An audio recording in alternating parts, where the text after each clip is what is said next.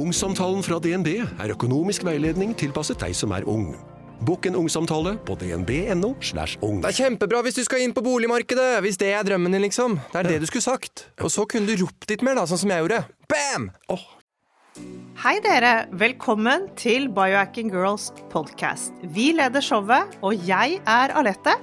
Og jeg er Monica. Vi er gode venner og kolleger, og vi legger sammen våre erfaringer og kunnskap for å inspirere deg til å bli din egen biohacker og optimalisere livet ditt. Vi følger med på ny forskning og trender, og stiller de spørsmålene vi mener er nødvendige. Ja, vi deler informasjon om biohacking, life coaching og fitness, og vi håper at du vil føle deg inspirert og klar til å ta et tak for å komme i den beste helsemessige form. Velkommen til Biohacking Girls podcast. Åh, det er så deilig nå, Monica. Jeg kjenner at nå er det snart den derre varmen gjennom kroppen. Solen skinner, og jeg har til og med sittet ute med bare føtter og grounded allerede. Hvordan er det med deg? Jo, altså det er akkurat samme følelsen for meg som for deg, og det begynner å bli lysere. Ikke at det spirer noe særlig, men bare det dagslyset, at det er tidligere lys om morgenen. Du kan åpne gardinene, og ja, det føles bare veldig godt og energigivende. Så fantastisk. Ja, det er helt utrolig. Er, og nå har vi vært så heldige òg med mye fint vær og litt sånn vær og litt sånn vær, men det lyset, det er veldig bra. Men vi hadde jo en episode på mandag med dr. Bill Schindler om dette med food confusion og forskjellige food trends. Og da skal vi veldig gjerne i dag ta en liten oppsummering og snakke litt om det vi fikk ut av den episoden. Ja, for vi får jo veldig mange spørsmål, mange av dere som lytter på podkasten. Vi har venninner og vi har familie som spør, og ja, de følger med, og vi følger med, og man kan jo bli lettere forvirret. Så hva skal man egentlig gjøre? Hvem skal vi lytte til? Dette er spørsmål vi stadig får, begge oss to. Veldig, og vi lurer jo selv. Vi sitter jo med en følelse av at det er mange her ute som har beveget seg langt unna hva som egentlig er sunn fornuft når det kommer til matvalg. Det er akkurat som veldig mange glemmer å tenke selv. Vi bare ser etter andre og prøver å følge hva andre driver med, og hopper fra den ene dietten til den neste. Vi er jo utålmodige, og vi ønsker ja, ønsker at vi liksom kan prøve å stoppe opp litt, da. At vi ikke skal eh, hoppe så fælt. Men det er veldig fort gjort, og er, vi er utsatt for ekstremt mye informasjon når det kommer til hva vi bør putte i munnen. Men vi får bringe inn han godeste dr. Bill Schindler. Vi syns jo han har en fin filosofi når det kommer til å snakke om mat. Er du ikke enig? Jo da, så han, eh, han venner vi oss eh, stadig til. Han er matforsker, dr. Bill Schindler. Men for å være helt ærlig av dette, så har jo han òg, som alle andre, et ørlite eh, altså, selv, altså Han er litt ensidig, han òg, som så mange andre. Fordi at han ble veldig syk, alvorlig syk, av mat som påvirket hans helse.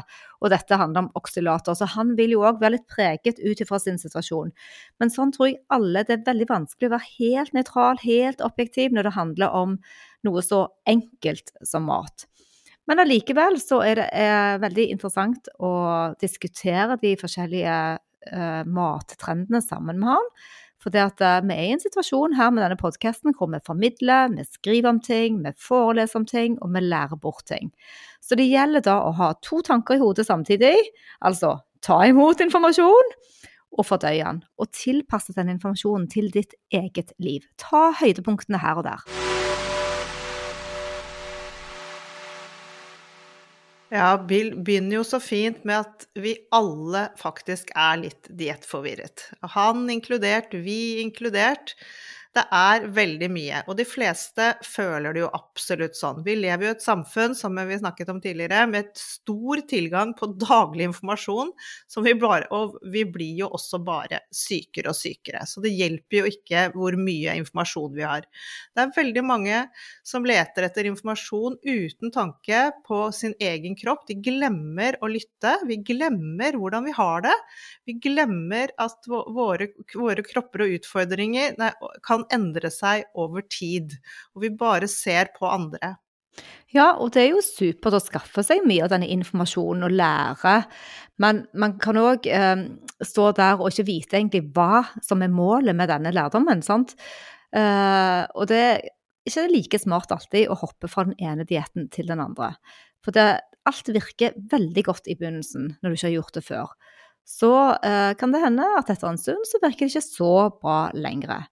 Og det er fordi at eh, når du starter med noe nytt, hvis du starter med fast eller du starter med keto, så skjer det noe nytt i systemet ditt, i metabolismen, i forbrenningen din, og dette endrer seg. Man kan plutselig nå et mål, du ble kanskje kvitt allergien din, du gikk ned i den vekten du hadde satt deg som mål å gå ned. Men eh, hvis du fortsetter i dette samme sporet med akkurat samme tilnærming i det uendelige, så kan det faktisk gi en moteffekt, en negativ virkning på sikt. Ja, helt riktig. Og Bill delte jo den historien sin akkurat om dette når han snakket om faste. For når han først begynte med faste, så følte han seg jo som en konge, og var, alt var bare helt fantastisk. Eh, og han bare Wow, slipper å lage mat, jeg har tid til så mye annet. Og alt føltes veldig bra, inntil en dag hvor det plutselig ikke fungerte lenger. Og han måtte rett og slett justere. Det er jo akkurat sånn med disse keto-diettene, og vi er veldig fremsnakker av keto, men ikke 100% likt hele tiden. Så det er jo sånn, um, selv om vi kanskje har et kurs og veileder noen kunder på keto, så er det ikke sånn at vi gjør det samme 100% hver eneste dag hele året. Vi endrer litt på det. Og for min del, som vi har snakket mye om, eh, og snakket med Bill om òg, så har jo jeg introdusert litt mer carbs. Altså jeg prøver meg fram med litt grann, uh, fiber og de grønne bananene og bitte litt havregryn for å se hvordan, uh, hva som skjer med energien min. Og dette i forhold til trening og i forhold til uh, hvordan du føler deg etter du har spist mat. Og det er helt formidabelt. Altså, jeg må si at jeg har mer energi, men jeg er fremdeles i ketose, så dette kan jeg jo måle. Så det er veldig spennende og interessant og, og vær mer til stede i din egen matverden, sånn at du ikke bare sluker en diett og tror at det er oppskriften. For det merket vi veldig godt på kurs òg, da vi holdt kurs. Eller fremdeles, når vi har en eller annen veiledning, så, så spør folk å, kan jeg få en matplan, og jeg må vite akkurat hva jeg skal spise. Og det forstår vi veldig godt, for folk trenger på en måte såpass mye veiledning i villedelsen sin ned til nivå på kalorier og på fett og alt mulig. Men da mister du òg mye på veien, for du glemmer å se hva du faktisk trenger, og hva som gjør godt for din egen helse og mage etter du har spist. Mm. Det er jo det vi kommer tilbake til hele tiden, det å lytte til egen kropp. Det kan være veldig fint i starten av en sånn, hvis man skal på en sånn livsstilsendring, å følge et program, fordi man ikke vet hvor man skal starte. Så det kan være veldig fint, men man må ikke da blir slave av de programmene man øh, går til. Man må absolutt lytte til egen kropp og gjøre disse justeringene. Jeg er veldig imponert over deg, Monica. Jeg det har vært supergøy å følge din utvikling i forhold til min. For jeg har jo gått nesten motsatt vei, med mindre karbohydrater, særlig nå på vinteren. Så føler jeg at det er veldig mye bedre for meg med mer fett. Jeg craver fett og sånn varmere mat. Eh, Men veldig... hvordan, føler du deg med det, da? For dette, da har du, hvor lite carbs er det du spiser da? Ja, jeg trekker jo ikke i sånn gram og sånne ting, men kanskje ti?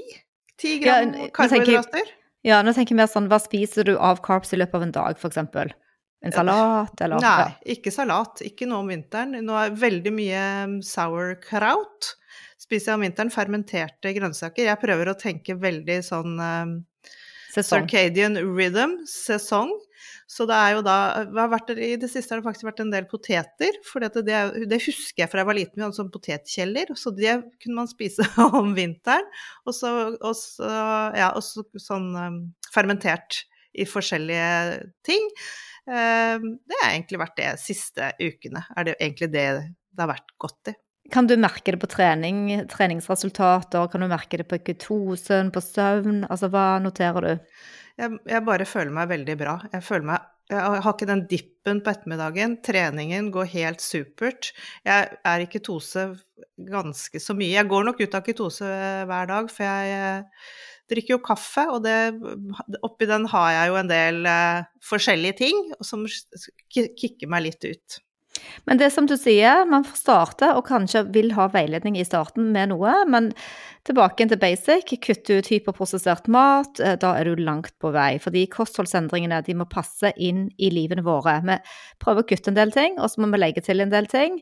Men vi har forskjellige rytmer. Vi har uh, hvor vi er i livene våre i forhold til jobb og familie og sykdomshistorie, og hva vi har som målsetting, da er det vekt du vil redusere, eller har du en allergi, eller har du noen tarmproblemer, kanskje du har eh, kronisk hodepine. Så det, vi har forskjellige veier man skal til. Men det som er viktig, da, er at man ikke skal lage unødvendig mye stress og uro for å nå dette målet. For hvis det blir sånn jeg hadde en kunde her nå uh, som jeg trener med, og hun å, skal jeg begynne å lage pastasausen min selv, eller kan jeg kjøpe en økologisk fra Helios? Så sier du kjøp en økologisk Skal jeg bake brød? Nei. Prøv å finne et surdeigsbrød. Så det, er noe med at man skal ikke lage så mye arbeid i denne livsstilen vår at man blir utmattet.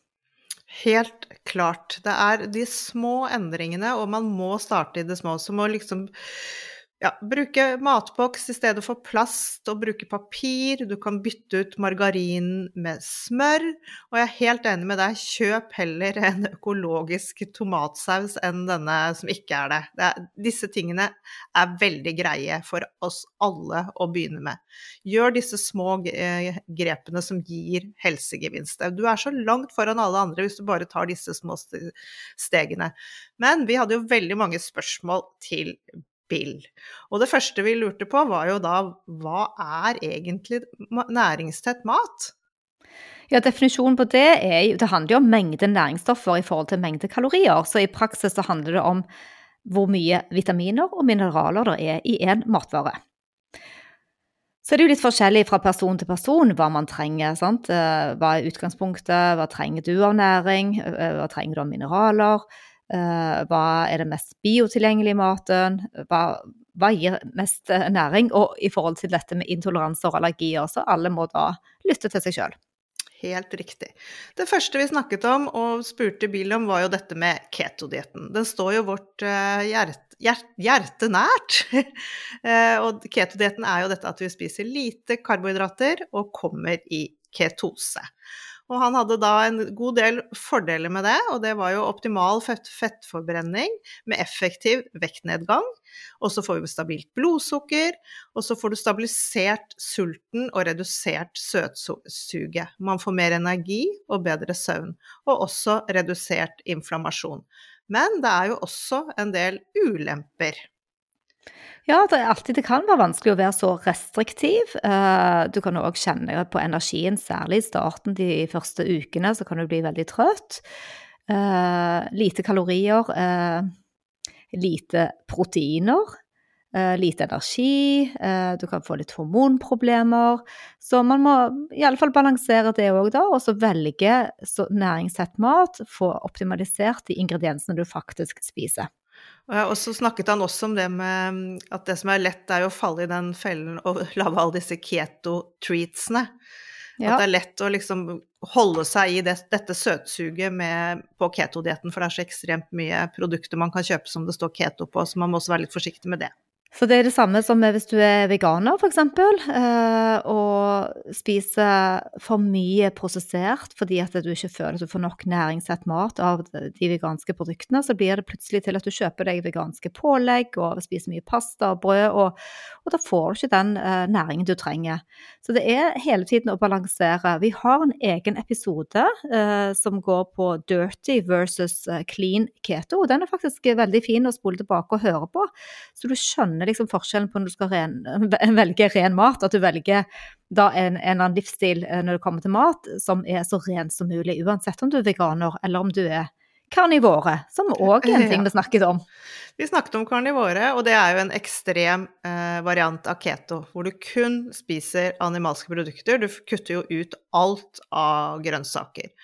Og fordelene med dette da, er jo at folk som er veldig syke, har veldig mye maveproblemer, allergier, eksem, sånne ting, de kan jo da bruke dette som en ultimat eh, elimineringsdiett.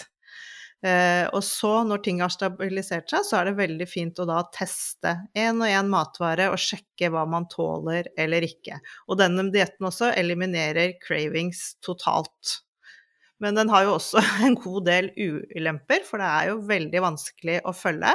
Det er ikke lett å leve i verden i dag og være carnivore. Det byr på mye problemer. Ja, og vi ser jo òg at mange av de som er forkjempere for karnivore, begynner å inkludere ting de forsvarer som karnivorisk, da, type honning og en del frukter og sånn. Så, så, det er klart at på sikt så er ikke det en, eh, eh, ja, en bio... Eh, hva heter det, optimal eh, måte å leve på. Eh, det kan være veldig vanskelig å følge en karnivordiett. Bare hør på podkasten vår. Eh, vi har to helt forskjellige utgangspunkt, meg og Lette, og vi testet dette lenge. Så vi lagde en episode på det. Eh, du kan få hormonproblemer, altså ubalanse i de forskjellige hormonene. Og du kan spise for lite, du kan gå for mye ned i vekt, og du kan lide av insulinresistens. At insulinet ditt slutter å lytte. Og det er faktisk en av de store konsekvensene hvis man er på karnivore over lang tid. Så langvarig karnivore er jo ikke å anbefale for noen. Ja, og vi snakket om dette med low carb. Og det er jo en veldig fin mellomting. Det er ikke keto, men det er lite karbohydrater. Noen kommer i ketose her også. Det er en fin mellomting å lande på. Om, øh, om, det kan fungere for deg. Den er enkel å følge, og du kan jo variere litt hvor mye du vil ta inn av karbohydrater selv. Ja, og så det vi syns er litt spennende som inspirasjon, da. Vi vil ikke gå tilbake dit. Det er det som er dr. Bill Schindlers store lidenskap, det er ancestral living. Altså han er jo da en mann en, som, som, dyrker forhistoriske tradisjoner. Og han, både han og kona eh, Christina de både spiser og tenker rundt ancestral, den måten våre forfedre levde. Eh, vi liker begge godt tankegangen, for det, det er fint å se tilbake på hvordan man spiste før og tilberedte maten, og gjøre det så likt som mulig i dag.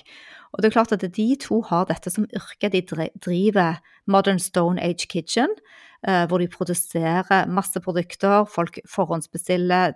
De underviser i hvordan man lager uh, sourdough, altså surdeigsbrød, hvordan man lager Hvordan man parterer et helt dyr og bruker alle delene fra nose to tail. Så det er klart at når du har det som yrke, så blir det òg kanskje lettere å få gjort det i praksis, for det er tidkrevende. Men eh, det man kan tenke på, det er å prøve å lage ting fra bunnen så godt det lar seg gjøre. Spise lokalt, og så som du sier, Alette, i sesong, så du nå henter litt fra potetkjelleren din. Eh, Bill selv spiser jo ikke så mye karbohydrater. Uh, og, men han, han, sa at han, var, han elsker surdeig og han elsker croissanter, som han òg lager ja. selv. Uh, spiser ikke så mye av det, men når alt er laget uh, på den måten, når kornet da ikke er prosessert, så, så, så, er det sunt nok for han. Og han bruker, han sammen med Kristine bruker veldig mye tid på kjøkkenet. Så det handler jo om å være da litt kreativ når man skal bruke hele dyret, og tenke på økonomi og etikk. Og dette er jo det som ligner litt på paleodietten i dag. Mm. Altså, jeg blir helt overveldet når jeg tenker på hvor my mye tid de bruker på kjøkkenet. Det er godt av jobben deres, for det hadde ikke passet meg i det hele tatt. å lage alt sånt fra bunnen av. Det, det, det, kjenner jeg. Det er en av ulempene ved å leve på denne måten, er jo at det tar veldig mye tid. Men, men, du, men du, kan si det sånn, da, Alette. Vi to som da uh, er instruktører, vi driver med trening. Vi bruker mye mer tid på trening enn de fleste, uh, eller de som ikke jobber ikke med det. Sånn at det er jo noe med at det man jobber med, blir det jo litt mer av. Det er helt klart. Så ja, hadde jeg hatt det som jobb, så hadde det jo det selvfølgelig vært der. Men det er jo ikke det at jeg ikke jeg, jeg, jeg, vil jo helst holde meg unna denne prosesserte maten, jeg òg, men jeg velger kanskje det litt, litt enklere tingene, kan man vel si. Men fordelen er jo dette at man slipper prosessert mat. Er, maten blir jo veldig variert og næringsrik. Eh, men ulempen er jo da, for meg i hvert fall, at det tar veldig mye tid. Ja, det gjør det. Eh, det har vært mye snakk om insekter i det siste, Alette. Ja. ja. Hva tenker du om insekter? Og hva tenker Bill om insekter? Nei, først, først når jeg hørte om det, så ble jeg veldig sånn opprørt og så de store overskriftene og tenkte bare herregud, hva, skal vi begynne å spise insekter? Og jeg tenkte jo veldig stort på det. Skal de ha svære fabrikker da, som lager insekter? Hva, hvordan kan dette være miljøvennlig? Jeg begynte å tenke helt sånn, og så spurte vi Bill, og så bare sier han slapp av. Vi har alltid spist insekter, de er fulle av proteiner, dette kommer til å gå helt fint, og det kommer ikke til å ta av. ikke sant. Så hvis du er på en sykkeltur og du plutselig fikk en liten flue ned i halsen og får helt panikk, så bare svelg den. Det er en liten ja. Det går helt fint. Ja. Jeg kjøpte jo akkurat uh, insektsnack til uh, hunden til sønnen min. Uh, det var jo litt morsomt, for det, det, står på pakken at det er kornfritt og skal visstnok være en lav allergitrigger. Men jeg, bare, jeg kjøpte det rett og slett fordi at det har vært så stor debatt på insekter nå. Så tenkte jeg ja, insektsnack, det er grain-free uten korn.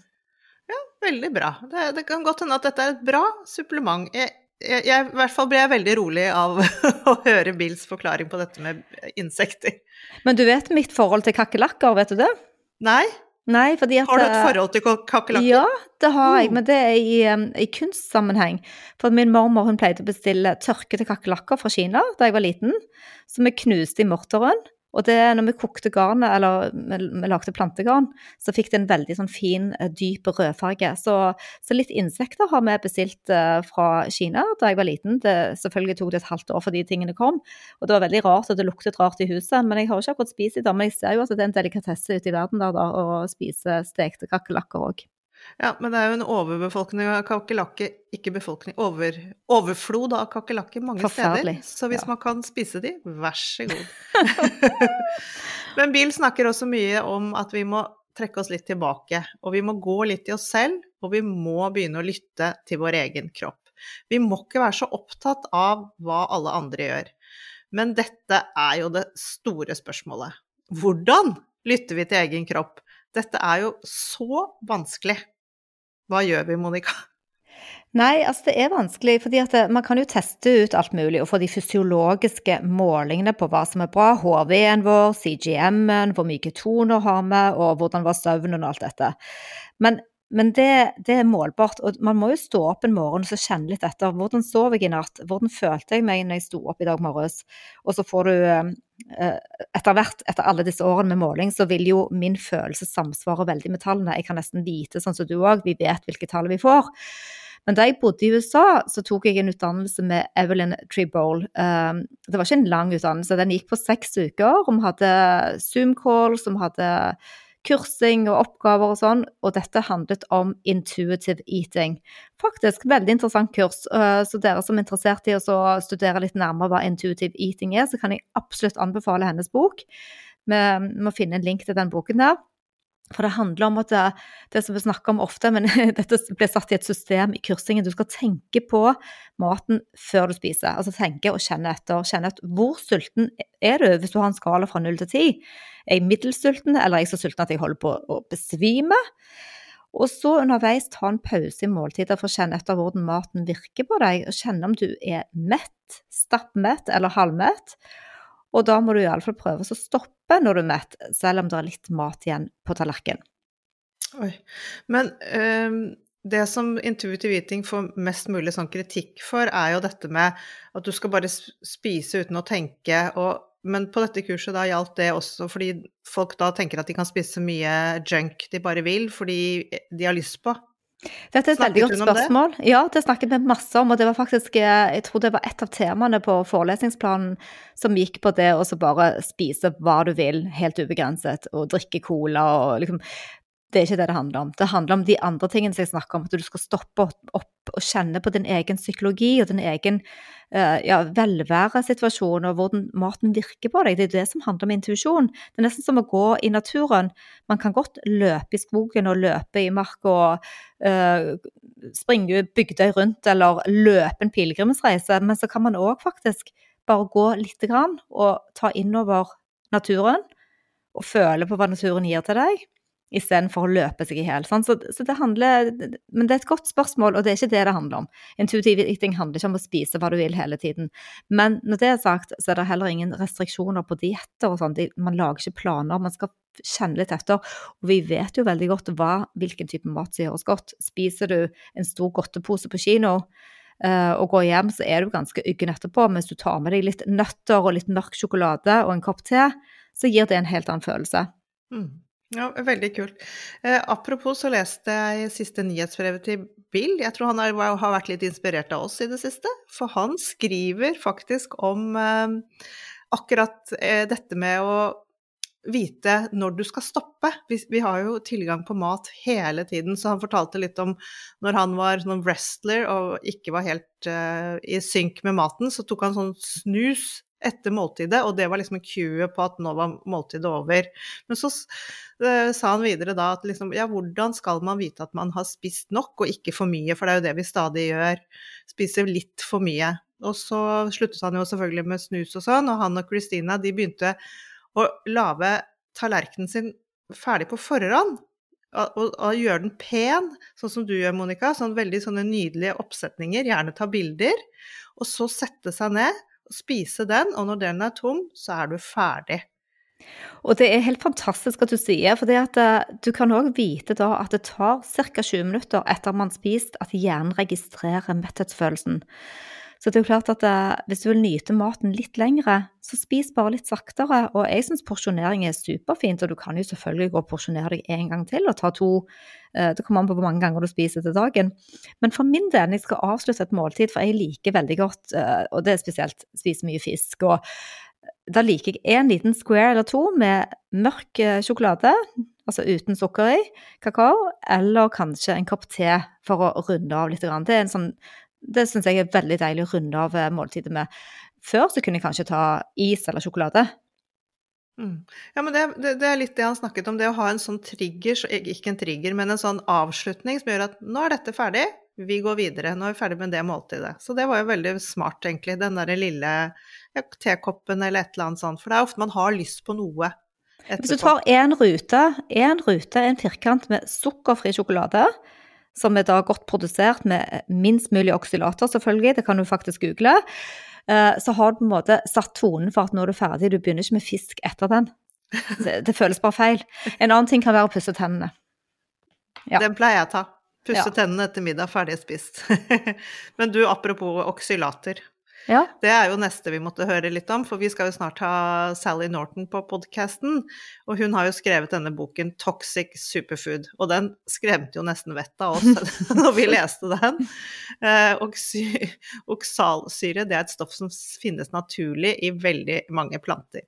Det binder mineraler som kalsium og jern, slik at kroppens tilgang til mineralene de blir litt lavere.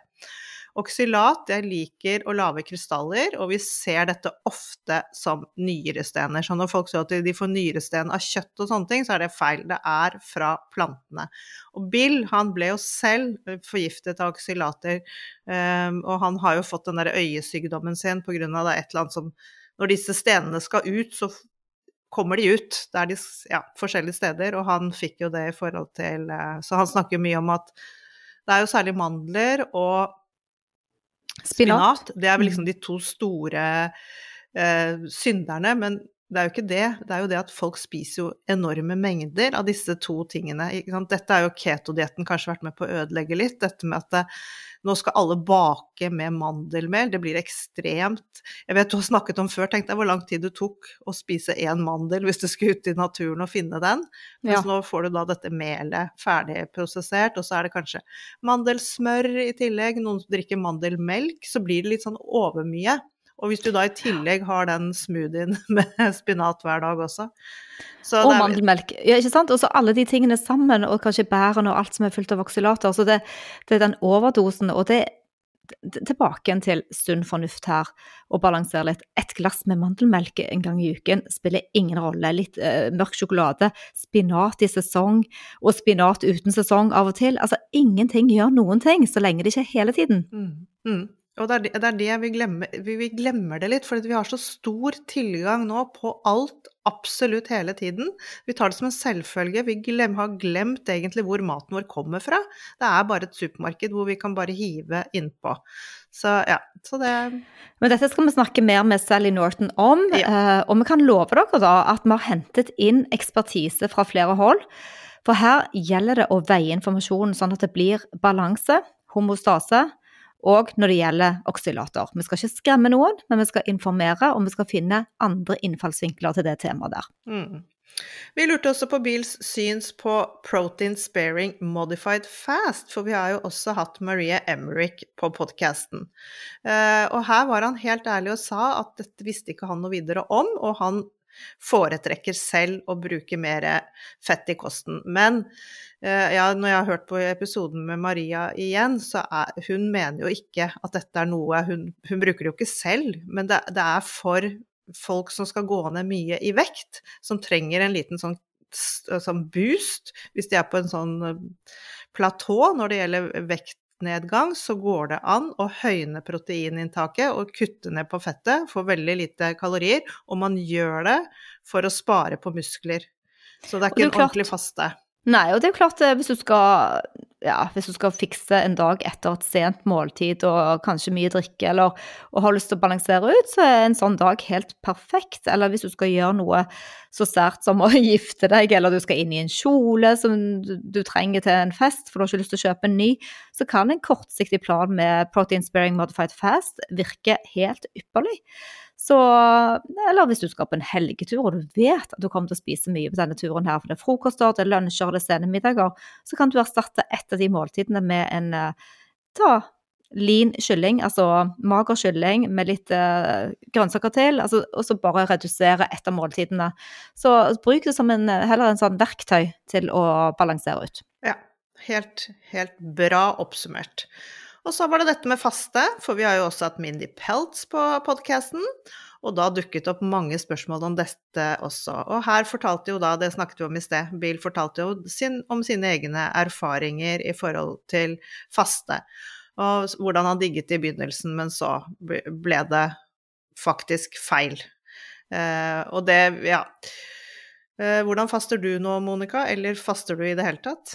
Ja, jeg tror jeg har det litt sånn som med Bill, at i perioder så syns jeg det virker veldig bra, og så i perioder så syns jeg det virker mindre bra. Men jeg vil si at jeg faster alltid, fordi at eh, jeg har et spisevindu, men om det starter tidlig eller sent, Uh, du som legger deg relativt tidlig, Alette, du faster jo fra tidlig ettermiddag til dagen etterpå. Så, så timene i døgnet det spiller ingen rolle hvordan man tenker fasten er. Men jeg har prøvd å kjenne etterpå med alle de klassene og PT-kunder og hoppe på trampolinen og ha energi til både å ta vare på meg sjøl, min egen trening og trene andre.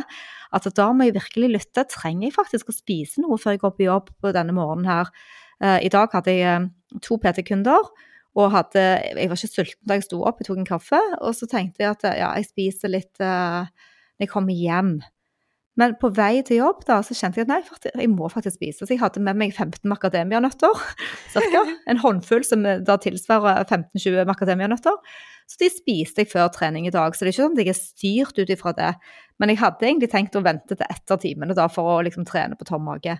Så det er enormt viktig å ja, um, ikke gjør det samme hele tiden. Hva med deg, da? Hvordan Nei, jeg er enig. Jeg, er ikke noe begeistret for lange faster. Det har jeg aldri Jeg liker ikke følelsen av å, å, gå rundt og tenke på den maten som du ikke skal spise.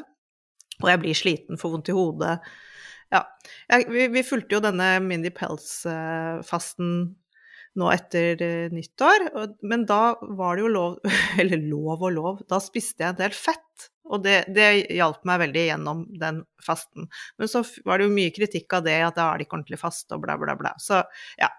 Men uh, intermittent fasting og spisevindu, det har jeg. Så jeg faster jo som deg hver, hver, uh, hver natt. Og jeg har begynt å spise frokost tidligere, og heller avslutte maten på ettermiddagen tidligere. Og det, jeg ser enorm forskjell på søvnen. Jeg har god margin på når jeg legger meg etter siste måltid. For å si det sånn, uh, i vinterferien så har jeg spist sene måltider, og HRV-en min slår negativt ut på det. Så det ser jeg alltid. Men, uh, men det er jo òg greit i perioder. Altså, jeg orker ikke være slave for dette her. Det, det skal være hyggelig òg. Så jeg har lyst til å være sosial, og vi har familie som, som man må ta hensyn til mer enn bare meg sjøl. Ja, og men, det er tilbake til det med stresset. Idet det blir stress, så er det bare negativt. Da må man kutte. Og det er veldig viktig. At det, du må ikke da bli manisk på at 'Å gud, jeg kan ikke spise etter klokken fire', eller hva det skulle være. Det Men det blir veldig gøy å få Mindy Pels, som skal da forelese på Biohacking Weekend. Det er altså så stas for oss å få en så stor stjerne, en fast ekspert, som kommer til Norge og skal forelese. Altså, hun er skikkelig stor i det miljøet. Så da kan vi jo stille alle spørsmålene vi lurer på, og vi får høre alle, all forskning. Og, for det er mye nytt, og det er mye utvikling. Så den teorien dette snakket Bill om òg, at man må huske på alle vi som er influensere på eh, kosthold og på biohacking og på livsstil, at eh, vi kan si noe nå, men det kan fort endre seg. Det kan komme ny forskning, ny, nye studier innen seks måneder, ti måneder, tolv måneder. Så endrer det seg. Så, så, men vi gleder oss til å høre Mindy Pels eh, på Biohacking Weekend. Ja, hun kan nok det siste om fasting, hun altså. Det, det kan vi være sikre på. Yes. ja. Men også er det dette med å spise mat i sesong. Jeg har blitt veldig, veldig på circadian rhythm, det vet du jo, Monica. Jeg har blitt veldig interessert i det. Å følge både årstider og 24-timersklokkene våre og sånne ting. Og vi spurte Bill om det, og da kunne han fortelle om sin venn Sian i Irland, som har skrevet boken 'Don't Eat for Winter'. Og denne handler jo om akkurat det. Han fikk en sånn aha-opplevelse. Han var litt sånn chubby og følte seg litt sånn dårlig form. Og tittet ut av vinduet, og så så han en sånn epletre som sto der ganske stusslig, og så sto han med et eple i hånden og tenkte bare 'hæ? Er ikke epler her nå?' Og så prøvde han jo dette å, å spise 100% i sesong, 100% rundt der hvor han levde, og det var det som skulle til for at hans helse ble helt uh, super. Og nå kan, vi, da kan jeg berike dere med å si at akkurat nå i mars så er det, sesong for, på sjømat blåkveite, blåskjell, hummer, piggvar, skrei, torsk. Og når det gjelder grønt, så er det beter, gulrot, hodekål, poteter og rosenkål. Disse typiske tingene som kan oppbevare i kjelleren. altså, jeg blir så lykkelig når jeg klarer å få den torsken så perfekt. Bare la den trekke i åtte minutter. Sånn den er nesten så saftig, den bare skaller av. Og så har du kanskje litt torskerogn eh, stekt ved siden av. Det, men eh, en annen ting Bill sa som jeg syns er viktig, det er dette med de eplene. Hvor ofte går vi da på butikken, og det er et utvalg på syv-åtte epler som ligger der. Hvor ofte går du da og så kjøper et eple basert på smaken på disse eplene? Vi får jo aldri testet de ut. Jeg syns det er et så viktig poeng. Um, så det er sånn at man nesten burde gått og kjøpt alle eplene, hatt en liten smaksopplevelse hjemme og vurdert hva som er best, istedenfor bare på måfå kjøpe det som passer med dine mål, om det er organisk eller om det er rødt eller om det er grønt. Så Nei da, det er Jeg tror dette med lokal mat, som du sier, sesongrelatert, og lytte til uh, intuisjonen og circadian rhythm. Ja. Men du, så er store spørsmålet hvorfor, ja. hvorfor spiser vi egentlig? Hvorfor? Ja. ja. Hva skal vi si? Hvis... Ja, nei, eh, eh, altså Bill han snakker om dette med, med den, den, fermenterte maten og at dette skapte god balanse i kroppene våre. Vi spiste alle mulige bakterier og mikrober sånn, gjær og mikronæring. Uh, vi var ikke så sterile, og vi tålte mer. Og han forteller jo at uh, før i tiden så åpnet man magesekken eller magen på byttet og brukte innvollene til å vaske hendene med. Altså Det er så ubegripelig at de tarmrestene er så sterile. Mm. Er he helt sjukt at han fortalte det. og han var så fascinert av det. Jeg var litt mer sånn ok. ja, litt ekkelt, sant? Ja. litt ekkelt. Ja. Fordi det som er nå til dags, er jo at det er ekstremt sterilt. Selv om, det, selv om det er forurenset og sånne ting, så er det sterilt. Vi har jo absolutt ikke den samme tarmfloraen som vi hadde før i tiden. Og det har blitt verre og verre, og særlig med covid og alt dette her, så ble det jo bare enda verre. Og eh, hvis vi ser tilbake, så spiste vi jo også hele dyret. Det har vi også sluttet med. Nå vet vi nesten ikke hvordan dyr ser ut, vi ser bare biffer. Eh, så vi kan jo øve oss på disse tingene. Spise litt organmat, lære oss å lage noe nytt. Lage pølser, lage leverpostei, spise torskerogn. Vi må tenke litt utenfor boksen. Og det er ganske gøy, faktisk. Og hvis du prøver en ting et par ganger, så er det ikke så vondt. Ikke vær negativ bare hele tiden, men prøv. Det er jo klart at Når vi utvider opplevelsene våre, så skaper vi òg nye følelser rundt maten. Og Det òg går jo tilbake til hvorfor vi spiser, og hva som er hele poenget med å spise. Og det å bearbeide et dyr som skal spises. Så det kan være fint for hele familien å skape nye opplevelser og nye matinnfallsvinkler. Forstå mer om hvorfor vi spiser. La barna få delta på det å forstå hva mat er for noe. For det er dessverre blitt litt for mye sånn at mor og far de haster innom butikken etter en lang og slitsom dag på jobben for å plukke opp noe å spise. Og noe som skal tilberedes raskt, som ikke tar for lang tid. Som ikke er for dyrt, og som alle i familien kan like. Som da selvfølgelig har ulik smak. Og dette er da før barn skal plukkes opp og kjøres til aktiviteter. Og ja, du får jo liksom puste åndenød bare av å tenke på det. Ja, det gjør du. Og det er søren meg ikke lett, men det er mulig. Vi må, tenke, vi må tenke muligheter her. Og det er et eller annet med sånn Kanskje ha litt sånn food prepping i helgene, da, hvis man har litt tid, sånn at man slipper å gå i den fellen. Bruke én dag på å handle inn for en hel uke, lage planer. Få barna litt mer med på kjøkkenet, la de hjelpe til. Og, og, eh, det er så mange ting man kan endre, så vi må stoppe opp litt i denne travle hverdagen vår og prøve. Det letteste er jo da å bare droppe de guilty foodsene, for det er altså så mye som ligger i, eh, i hyllene rundt oss nå, som da er sånn pallet-vennlige, altså smaksløksvennlige, så du bare har lyst på mer. You can't, hva heter det for? Once you pop it, you can't stop it. sant? Og, og, disse kjemiske tilsetningene som vi finner, det ødelegger jo de opplevelsene og munnens naturlige microbiome. Og det vil vi ikke ha, fordi uh, vi har lyst til at tungen skal bli vant til naturlig mat, ikke hyperprosessert mat. Og da smaker det bedre, og vi kommer tilbake igjen til det som var spørsmålet, hvorfor spiser vi, og hva skal vi spise? Mm. Ja. Vel, ja. Håper dere har blitt litt klokere i hvordan man ser på all denne informasjonen som kommer kastende på oss om mat, og hva vi bør spise. Og at du i hvert fall fikk med deg et råd og ønsker å gjøre en endring. Man må starte et sted. Og én ting er helt sikkert, at det kommer flere trender, det kommer flere nye diettprogrammer. Nå er det snart eh, sommer, og vi går inn i det, ja, det første eh, vår, tre, si, de tre månedene av vårtiden vår. Så, så, nå kommer det masse planer på hvordan vi skal ned i diett og bli bikiniklare og sånn. Så bare tenk på det, at eh, det vil hele tiden komme nye salgsargumenter. Så da må vi gå tilbake igjen til det vi har snakket om i hele denne episoden her. Spør hva vil vi, hva er målet mitt, hvorfor skal jeg endre på noe, har jeg noen plager? Og så får man prøve å oppsummere og gjøre det beste ut av de valgene man tar. Men kanskje begynne i det små. Nydelig. Og hvis du ikke har hørt disse episodene vi har referert til, så gå tilbake og hør på de, så får du enda mer om de forskjellige innfallsvinklene disse gjestene hadde når det gjelder ja, Mindy, Mindy, Mindy Pels og Maria Emmerich. Og ja, men da må dere ha en fantastisk matuke. Håper dere har masse godt på menyen, mye digg å spise, og en hel haug med ting dere bare hopper over. Yes. Happy, Happy biohacking!